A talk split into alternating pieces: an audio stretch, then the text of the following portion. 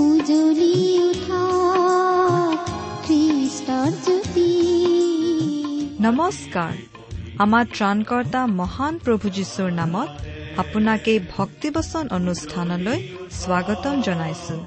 এয়া মুকলি কৰিছো ঈশ্বৰৰ জীৱিত বাক্যৰ ধাৰাবাহিক অনুষ্ঠান ভক্তিবচন।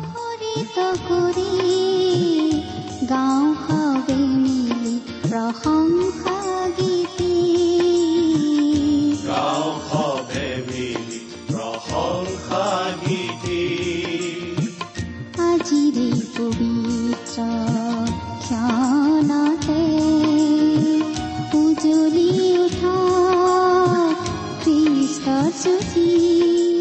আপোনাৰ জীৱনত যদি শান্তি পাব বিচাৰে তেন্তে এয়া ঈশ্বৰৰ বাক্যৰ সান্তনা বাক্য ভক্তি বচন।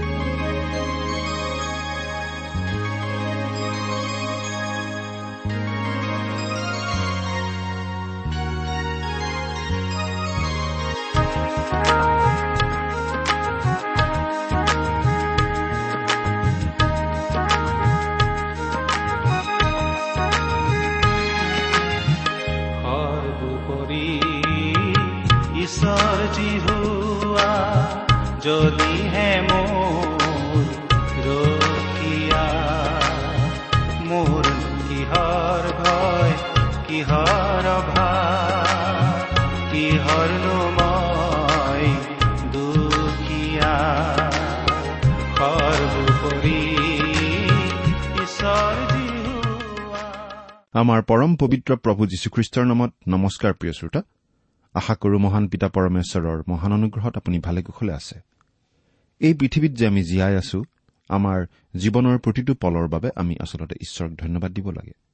কিন্তু এই জীৱনৰ সিপাৰে যি অনন্ত জীৱন আছে সেই অনন্ত জীৱন যেন আমি স্বৰ্গত কটাব পাৰো তাৰ ব্যৱস্থা যে ঈশ্বৰে কৰিলে সেইবাবেহে আমি ঈশ্বৰক অধিক ধন্যবাদ দিব লাগে।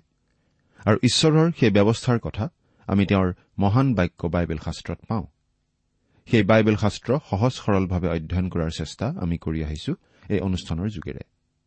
আশা কৰো আপুনি আমাৰ এই অনুষ্ঠান নিয়মিতভাৱে শুনি আছে। শুনি কেনে পাইছে বাৰু? আমালৈ চিঠি লিখি জনাবচোন।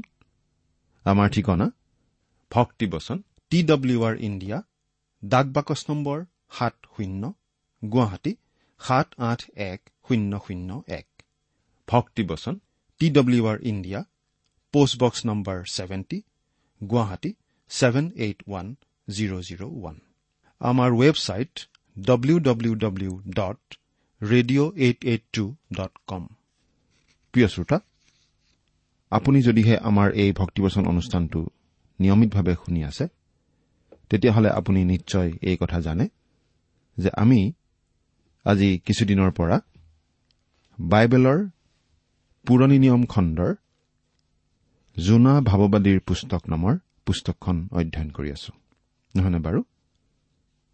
আপুনি আমাৰ যোৱা অনুষ্ঠানটো শুনিছিল নে যোৱা অনুষ্ঠানত আমি এই জোনা ভাৱবাদীৰ পুস্তকৰ দুই নম্বৰ অধ্যায়ৰ ন নম্বৰ পদলৈকে পঢ়ি আমাৰ আলোচনা আগবঢ়াইছিলো। তাত আমি দেখিছিলো জোনা ভাৱবাদী যেতিয়া সাগৰত মাছৰ পেটত সোমাবলগীয়া অৱস্থাত পৰিল তেতিয়া তেওঁ ঈশ্বৰক প্ৰাৰ্থনা কৰিছিল। এতিয়া আমি আজিৰ অধ্যয়নত চাবলৈ ওলাইছো এই জোনা ভাৱবাদীৰ পুস্তকখনৰ দুই নম্বৰ অধ্যায়ৰ দহ নম্বৰ পদ আৰু তাৰ পাছত আমি চাম তিনি নম্বৰ অধ্যায়ৰ প্ৰথম পদটো। তাৰ ভিত্তিতে আমাৰ আলোচনা আগবঢ়াম হওক।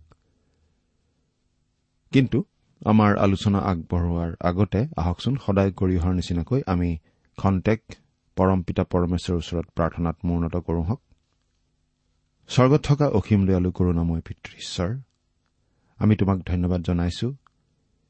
কিয়নো তোমাৰ বাক্য আলোচনা কৰিবলৈ তোমাৰ মাত শুনিবলৈ তুমি আমাক আকৌ এটা সুযোগ দান কৰিছা। এতিয়া বিশেষভাৱে প্ৰাৰ্থনা কৰিছো তোমাৰ মহান বাক্য বাইবেল শাস্ত্ৰ বুজাত তুমি আমাক সহায় কৰা। আমাৰ শ্ৰোতাসকলক তুমি বিশেষভাৱে কথা কোৱা। তোমাৰ মৰমৰ মাত আমাক প্ৰত্যেককে শুনিবলৈ দিয়া। তোমাৰ বাক্যৰ নিগূঢ় তত্ব তুমিয়েই আমাক বুজাই দিয়া। এই অনুষ্ঠানৰ আৰম্ভণিৰ পৰা শেষলৈকে তুমিয়েই আমাৰ লগত থাকি আমাক পৰিচালিত কৰা। কিয়নো এই প্ৰাৰ্থনা আমাৰ পাপৰ প্ৰাচিত্য কৰিবলৈ ক্ৰুচত প্ৰাণ দি তৃতীয় দিনা পুনৰ জি উঠি এতিয়া স্বৰ্গত আমাৰ বাবে নিবেদন কৰি থকা আমাৰ ত্ৰাণকৰ্তা প্ৰভু মৃত্যুঞ্জয় প্ৰভু যীশুখ্ৰীষ্টৰ নামত আগবঢ়াইছো। আমেন।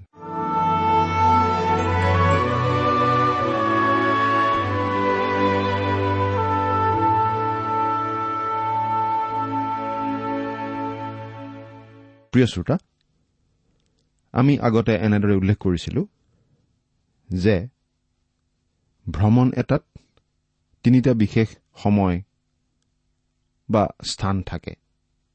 কি কি বাৰু? আপোনাৰ মনত আছেনে? যোৱাৰ সময় লক্ষ্যস্থান আৰু লক্ষ্যস্থানত গৈ পোৱাৰ সময়।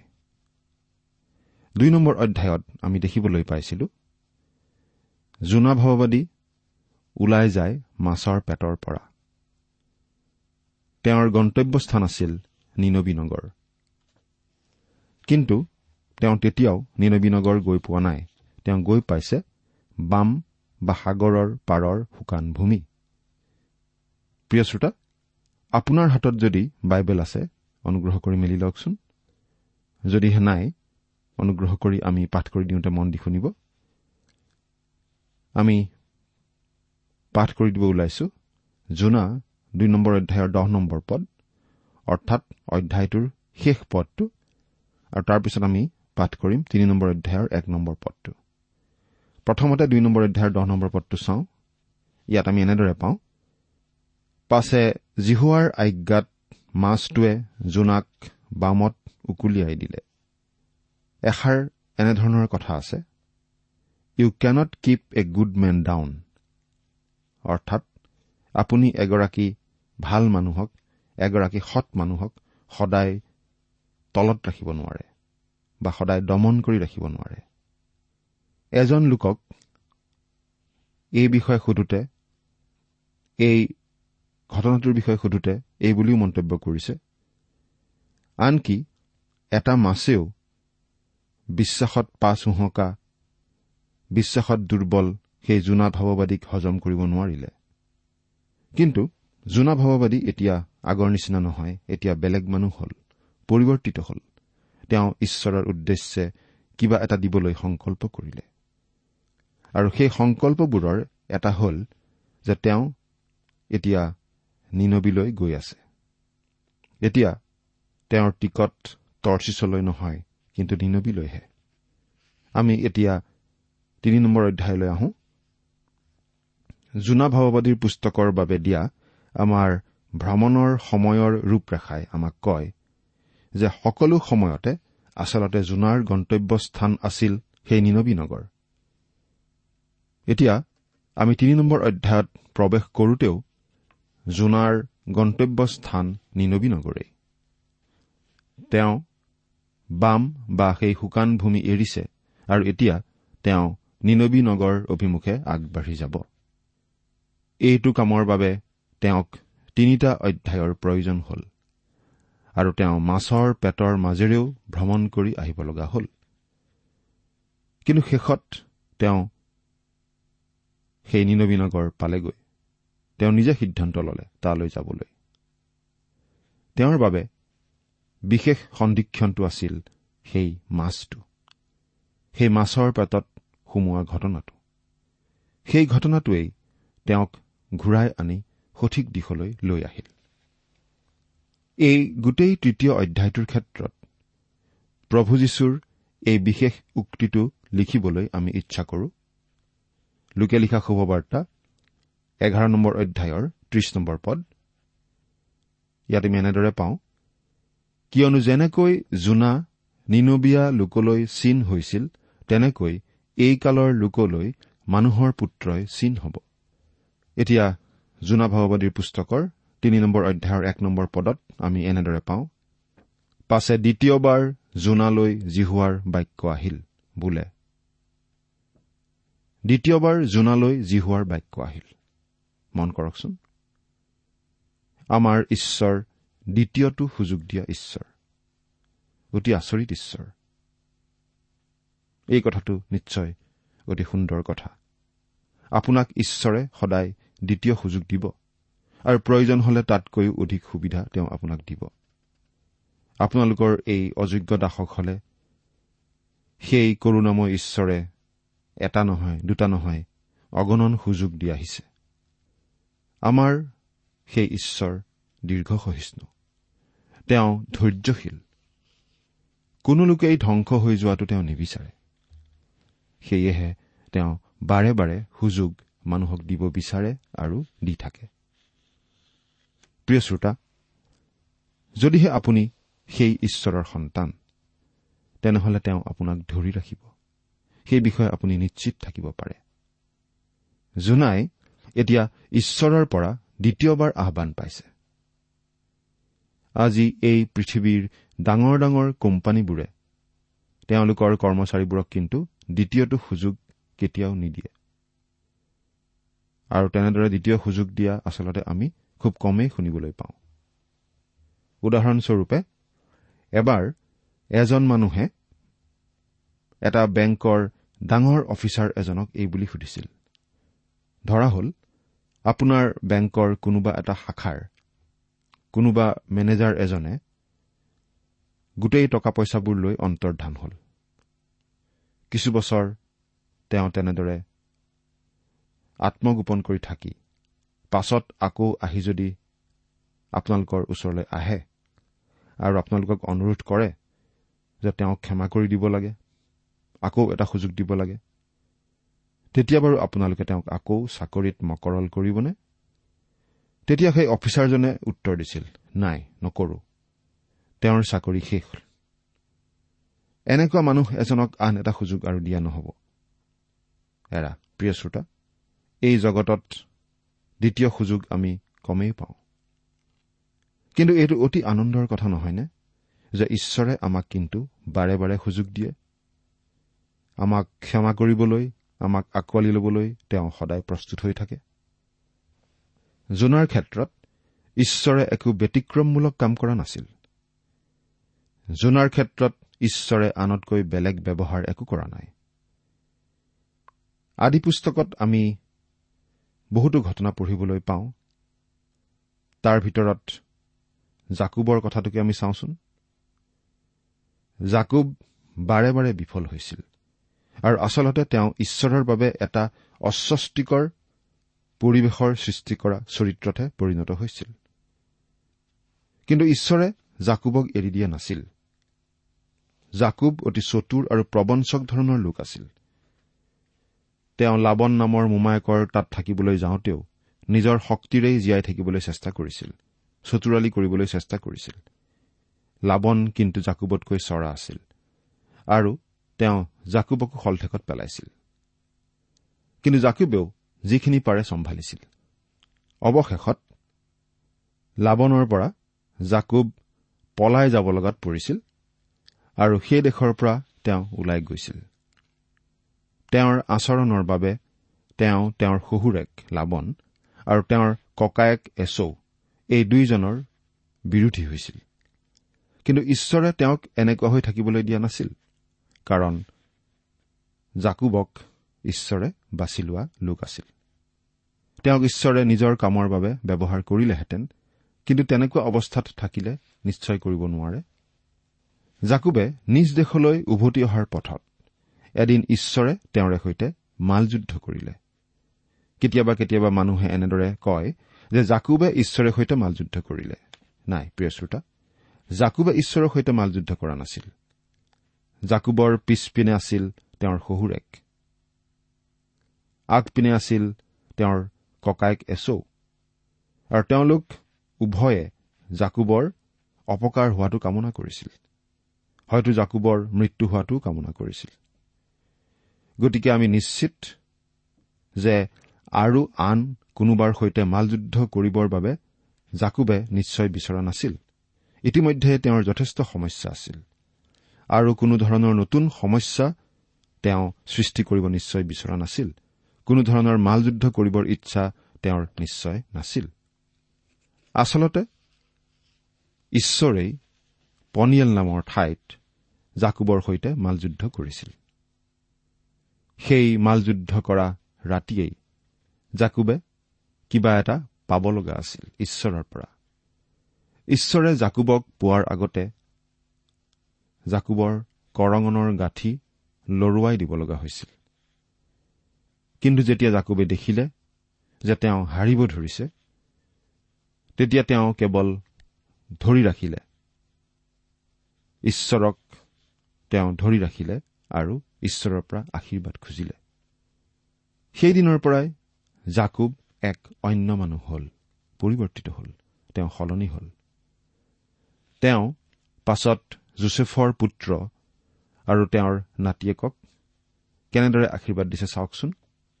আদি পুস্তক আঠচল্লিছ নম্বৰ অধ্যায়ৰ ষোল্ল নম্বৰ পদত যি প্ৰভুৱে সকলো মন্দৰ পৰা মোক বচাই ৰাখিলে ইহঁতকো সেই প্ৰভুৱে ৰাখক। সঁচাকৈ কি যে এটা ডাঙৰ পৰিৱৰ্তন ঘটিছিল জাকুবৰ জীৱনত? আগৰ জাকুব এতিয়া সলনি হ'ল। তেওঁ এতিয়া কেনে নম্ৰ হ'ল? এতিয়া তেওঁ প্ৰভুতেই আশ্ৰয় লৈছে। তেওঁ এতিয়া বেলেগ মানুহ হ'ল। ঈশ্বৰে তেওঁক দ্বিতীয়টো সুযোগ দিলে আৰু তেওঁ সলনি হ'ল। আকৌ ডায়ুদ ঈশ্বৰৰ প্ৰিয় লোক আছিল। কিন্তু এই কথাও আমি জানো যে ডায়ুদ এজন হত্যাকাৰী আৰু ব্যভিচাৰী ব্যক্তিও আছিল। কিন্তু তাৰ বাবে ঈশ্বৰে তেওঁক শাস্তি দিলে আৰু তেওঁ ভগ্ন হৃদয়ে গোটেই জীৱন কটালে। তেওঁৰ পাপৰ বাবে ঈশ্বৰে তেওঁক শাস্তি দিছিল। কিন্তু যেতিয়া তেওঁ ঈশ্বৰৰ ওচৰলৈ আহিছিল ঈশ্বৰে ডায়ুদক ক্ষমা কৰিছিল আৰু ডায়ুদে কৈছিল তোমাৰ পৰিত্ৰাণৰ আনন্দ মোক পুনৰাই দান কৰা। গীতমালা একাৱন্ন নম্বৰ গীতৰ বাৰ নম্বৰ পদ। যদি ঈশ্বৰে ডায়ুদৰ দৰে মানুহ এজনকো ৰক্ষা কৰিলে ক্ষমা কৰিলে তেওঁ আপোনাকো ৰক্ষা কৰিব পাৰে আৰু মোকো নিশ্চয় ৰক্ষা কৰিব পাৰে। এৰা আমাৰ ঈশ্বৰ এনেকুৱা ঈশ্বৰ। আপুনি আৰু মই তেওঁক ধন্যবাদ দিয়া উচিত। তেওঁ ডায়ুদক দ্বিতীয়বাৰৰ বাবে সুযোগ দিছিল। আৰু আপোনাক আৰু মোক দ্বিতীয় তৃতীয় আৰু তাৰ পিছলৈকো নিশ্চয় সুযোগ দিব। সুযোগ নিশ্চয় দি থাকিব। চিমুন পিতৰো এনেকুৱা এটা উদাহৰণ। সেই চিমুন পিতৰ জীৱনত উজুতি খাই পিছলি পৰা লোক আছিল। তেনেদৰে উজুতি খাই পৰি তেওঁ নিজকে লেতেৰা কৰি পেলাইছিল। তেওঁ নিজ প্ৰভু যীশুখ্ৰীষ্টক অস্বীকাৰ কৰিছিল। চিনি নাপাওঁ বুলি কৈছিল। আৰু যেতিয়া বিচাৰালয়ৰ ভিতৰত তেওঁ ইফালে সিফালে চাইছিল তেওঁৰ চকুৱে চকুৱে পৰিছিল প্ৰভু যীশুৰ লগত। প্ৰভু যীশুৰ চকুজুৰিয়ে তেওঁলৈ চাই আছিল। কিন্তু খঙেৰে চাই থকা নাছিল। বৰং পুতৌ আৰু দয়াৰ ভাৱেৰেহে প্ৰভু যীশুৰ চকুৱে সেই চিমন পিতৰৰ চকুলৈ চাই আছিল। আমি পঢ়িবলৈ পাওঁ পিতৰ বাহিৰলৈ ওলাই গৈ ক্ৰদন কৰিলে। পাছত যেতিয়া আমাৰ প্ৰভু যীশুখ্ৰীষ্ট মৃত্যুৰ পৰা পুনৰ্থিত হ'ল। তেওঁ চিমুন পিতৰক ব্যক্তিগতভাৱে দেখা দিলে যাতে তেওঁৰ সৈতে চিমুন পিতৰৰ সম্বন্ধ পুনৰ স্থাপিত হয় শুদ্ধ হয়। চিমুন পিতৰ সলনি হ'ল। প্ৰভুৱে তেওঁক আকৌ সুযোগ দিলে। প্ৰিয় শ্ৰোতা আপুনি যদি ঈশ্বৰৰ সন্তান কিন্তু যদিহে আপুনি হয়তো পাপত আছে আপুনি তেওঁলৈ ঘূৰি আহিব পাৰে। অতি সৰল মনেৰে ক্ষমা বিচাৰিলে তেওঁ আপোনাক আৰু মোক সকলোকে নিশ্চয় আঁকোৱালি ল'ব। জোহন মাৰ্কৰ কথাকেই চাওকচোন?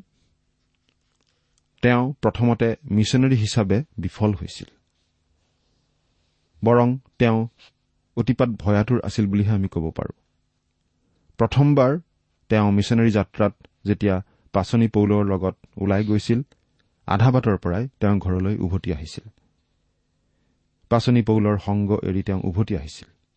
সেয়েহে পাছত দ্বিতীয়টো মিছনেৰী যাত্ৰাৰ সময়ত বাৰ্ণবাই তেওঁক লগত ল'ব খোজোতে পাচনি পৌল অমান্তি হৈছিল।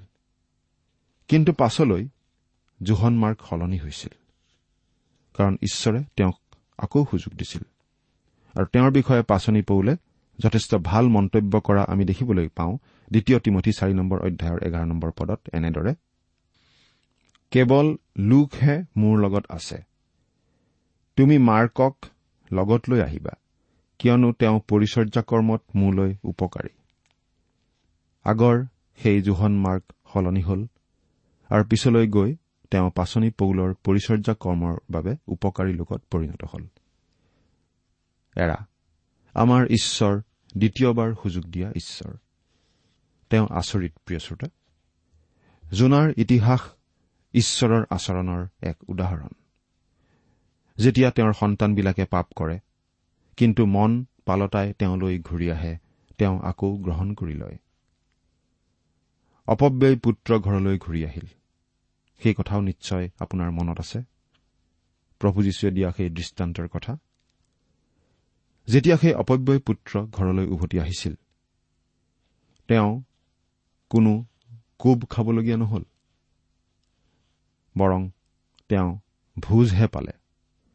তেওঁ কাৰো গুৰ খাবলগীয়া নহল। বৰং তেওঁ পালে মৰমৰ চুমা।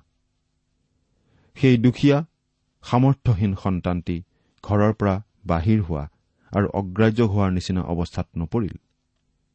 কিন্তু তাৰ পৰিৱৰ্তে বাপেকে আকৌ আঁকোৱালি ললে। অতি সুন্দৰ কথা নহয়নে? ইয়াৰ যোগেদি প্ৰভু যীশুৱে আচলতে আমাক এই কথাটোৱে বুজাই আছে যে আমাৰ পিতৃ ঈশ্বৰো তেনেকুৱাই। আমাক বাৰে বাৰে সুযোগ দি তেওঁ থাকিব। যদি আমি মন পালটন কৰি তেওঁলৈ উভতি আহোঁ তেওঁ আমাক নিশ্চয় আঁকোৱালি ল'ব। প্ৰিয় শ্ৰোতা আজি যদিহে আপুনি ঈশ্বৰৰ অবাধ্য হৈ ঈশ্বৰৰ বিৰুদ্ধে পাপ কৰি আছে তেন্তে আপুনি ঈশ্বৰলৈ ঘূৰি আহক। তেওঁ আপোনাক গ্ৰহণ কৰিব আৰু ক্ষমা কৰিব। এই কথা আমাৰ প্ৰত্যেকৰ বাবেই আজি আহানস্বৰূপে আহিছে। আমি মনত ৰখা উচিত অবাধ্য লোকৰ ওপৰত ঈশ্বৰে সুধবিচাৰ কৰে। তেওঁৰ সুধবিচাৰ অতি ভয়ংকৰ। কিন্তু তেওঁ তেওঁৰ অবাধ্য লোকক সময় দি আছে। যেন তেওঁলোক মন পালতাই ঘূৰি আহে আৰু বাধ্য হৈ চলে। যিসকল লোক তেওঁলৈ ঘূৰি আহে সেই লোকসকলক তেওঁ কেতিয়াও অগ্ৰাহ্য নকৰে। আমাৰ ঈশ্বৰ সৰ্বশক্তিমান ঈশ্বৰ। জল স্থল সকলোৰে সৃষ্টিকৰ্তা ঈশ্বৰ। সমুদ্ৰয়ো তেওঁৰ আজ্ঞা মানে। যিসকল তেওঁলৈ আহে সেই সকলোকে পৰিত্ৰাণ তেওঁ দিব পাৰে। আৰু কি আচৰিত ঈশ্বৰ তেওঁ? তেওঁৰ আজ্ঞাত জোনাক গিলি থোৱা সেই মাছেও। জোনাক আকৌ সমুদ্ৰৰ শুকান ভূমিত উকলিয়াই দিছিল যাতে জোনাই নিনবিলৈ গৈ প্ৰচাৰ কৰিব পাৰে। সেই দায়িত্ব তেওঁ জোনাক দিছিল। যেতিয়া ঈশ্বৰৰ আজ্ঞাত মাছে শুকান ভূমিত জোনাক উকলিয়াই দিছিল ঈশ্বৰে আৰু জোনাক একো নতুন দায়িত্ব নিদিলেনে? ঈশ্বৰে তেওঁৰ সৈতে যোগাযোগ বন্ধ কৰি দিলেনে? নাই। দ্বিতীয়বাৰ আকৌ তেওঁক আহান কৰিছে। আকৌ জোনাক কামলৈ পাচিছে। আচৰিত ঈশ্বৰ নহয়নে? তেওঁ দ্বিতীয়বাৰ জোনাক সুযোগ দিছে। তেওঁ দ্বিতীয়বাৰ সুযোগ দিয়া ঈশ্বৰ। আজি তেওঁলৈ ঘূৰিবলৈ আৰু তেওঁৰ মহৎ কাৰ্য কৰিবৰ বাবে তেওঁ আমাক সুযোগৰ উপৰি সুযোগ দি আছে। সেই সুযোগ আপুনি বাৰু লৈছেনে? যদিহে সেই ঈশ্বৰ যি হোৱাৰ সুযোগ আপুনি এতিয়াও হেৰুৱাই আছে তেন্তে প্ৰিয় শ্ৰোতা এদিন হয়তো এনে সময় আহিব পাৰে য'ত আপোনাৰ বাবে সেই সুযোগ বন্ধ হৈ যাব পাৰে। আপুনি যদি ঈশ্বৰৰ পৰিচৰ্যা কৰাৰ সুযোগ ঈশ্বৰৰ বাক্য আনৰ আগত কোৱাৰ সুযোগ বাৰে বাৰে অৱহেলা কৰি আছে তেনেহলে সেই সুযোগ হয়তো এদিন হেৰুৱাব লাগিব পাৰে। জোহন ন নম্বৰ অধ্যায়ৰ চাৰি নম্বৰ পদত এনেদৰে কৈছে দিন থাকোঁতেই মোক পঠোৱা জনাৰ কৰ্ম আমি কৰিব লাগে। যি কালত কোনেও কৰ্ম কৰিব নোৱাৰে এনে ৰাতি আহিছে। সেই ৰাতি অহাৰ আগতেই সেই সুযোগ বন্ধ হৈ যোৱাৰ আগতেই আমি ঈশ্বৰলৈ ঘূৰি ঈশ্বৰে আমাক দিয়া আহান গ্ৰহণ কৰি তেওঁৰ পৰিচৰ্যাৰ যি সুযোগ সুবিধা আছে তাকে গ্ৰহণ কৰি আমি কামত লাগি যোৱা উচিত নহয়নে বাৰু? চিন্তা কৰি চাওকচোন। ঈশ্বৰে আপোনাক আশীৰ্বাদ কৰক। আমেন।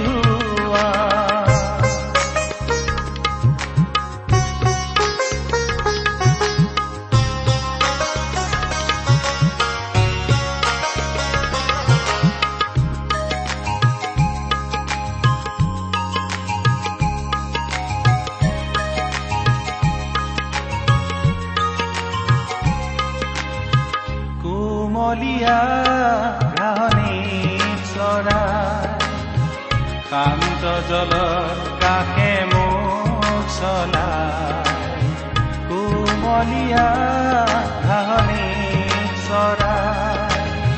শান্ত জলৰ কাষে মোক চলাই। কৰে ইমান পৰে আপুনি ভক্তিবচন অনুষ্ঠানটি শুনিলে। এই বিষয়ে আপোনাৰ মতামত জানিবলৈ পালে আমি নথৈ আনন্দিত হ'ম। আমি প্ৰস্তুত কৰা বাইবেল অধ্যয়নৰ আন চিডিসমূহ পাব বিচাৰিলেও আমালৈ লিখক। অনুষ্ঠানটি শুনি কেনে পালে আমালৈ চিঠি লিখি জনাবচোন। অনুষ্ঠানত প্ৰচাৰ কৰা কোনো কথা বুজিব লগা থাকিলেও আমালৈ লিখক। আমাৰ ঠিকনা? ভক্তিবচন ট্ৰান্স ৱৰ্ল্ড ৰেডিঅ' ইণ্ডিয়া ডাক বাকচ নম্বৰ সাত শূন্য গুৱাহাটী সাত আঠ এক শূন্য শূন্য এক। ঠিকনাটো আৰু এবাৰ কৈছো ভক্তিবচন ট্ৰান্স ৱৰ্ল্ড ৰেডিঅ' ইণ্ডিয়া ডাক বাকচ নম্বৰ সাত শূন্য গুৱাহাটী সাত আঠ এক শূন্য শূন্য এক। আমাৰ ইমেইল এড্ৰেছটো হৈছে S M T T B at the rate radio' eight eight two dot com আমাৰ website W W W dot T W R dot in আপুনি টেলিফোনৰ মাধ্যমেৰেও আমাক যোগাযোগ কৰিব পাৰে আমাৰ টেলিফোন নম্বৰটো হৈছে শূন্য তিনি ছয় এক দুই ছয় শূন্য চাৰি ছয় সাত এক ফোন নম্বৰটো আকৌ এবাৰ কৈছো zero' three six one two six zero' four six seven one আজিৰ অনুষ্ঠানটি ইমানতে সামৰিছো ঈশ্বৰৰ শান্তি আৰু অনুগ্ৰহ আপোনাৰ লগত থাকক ধন্যবাদ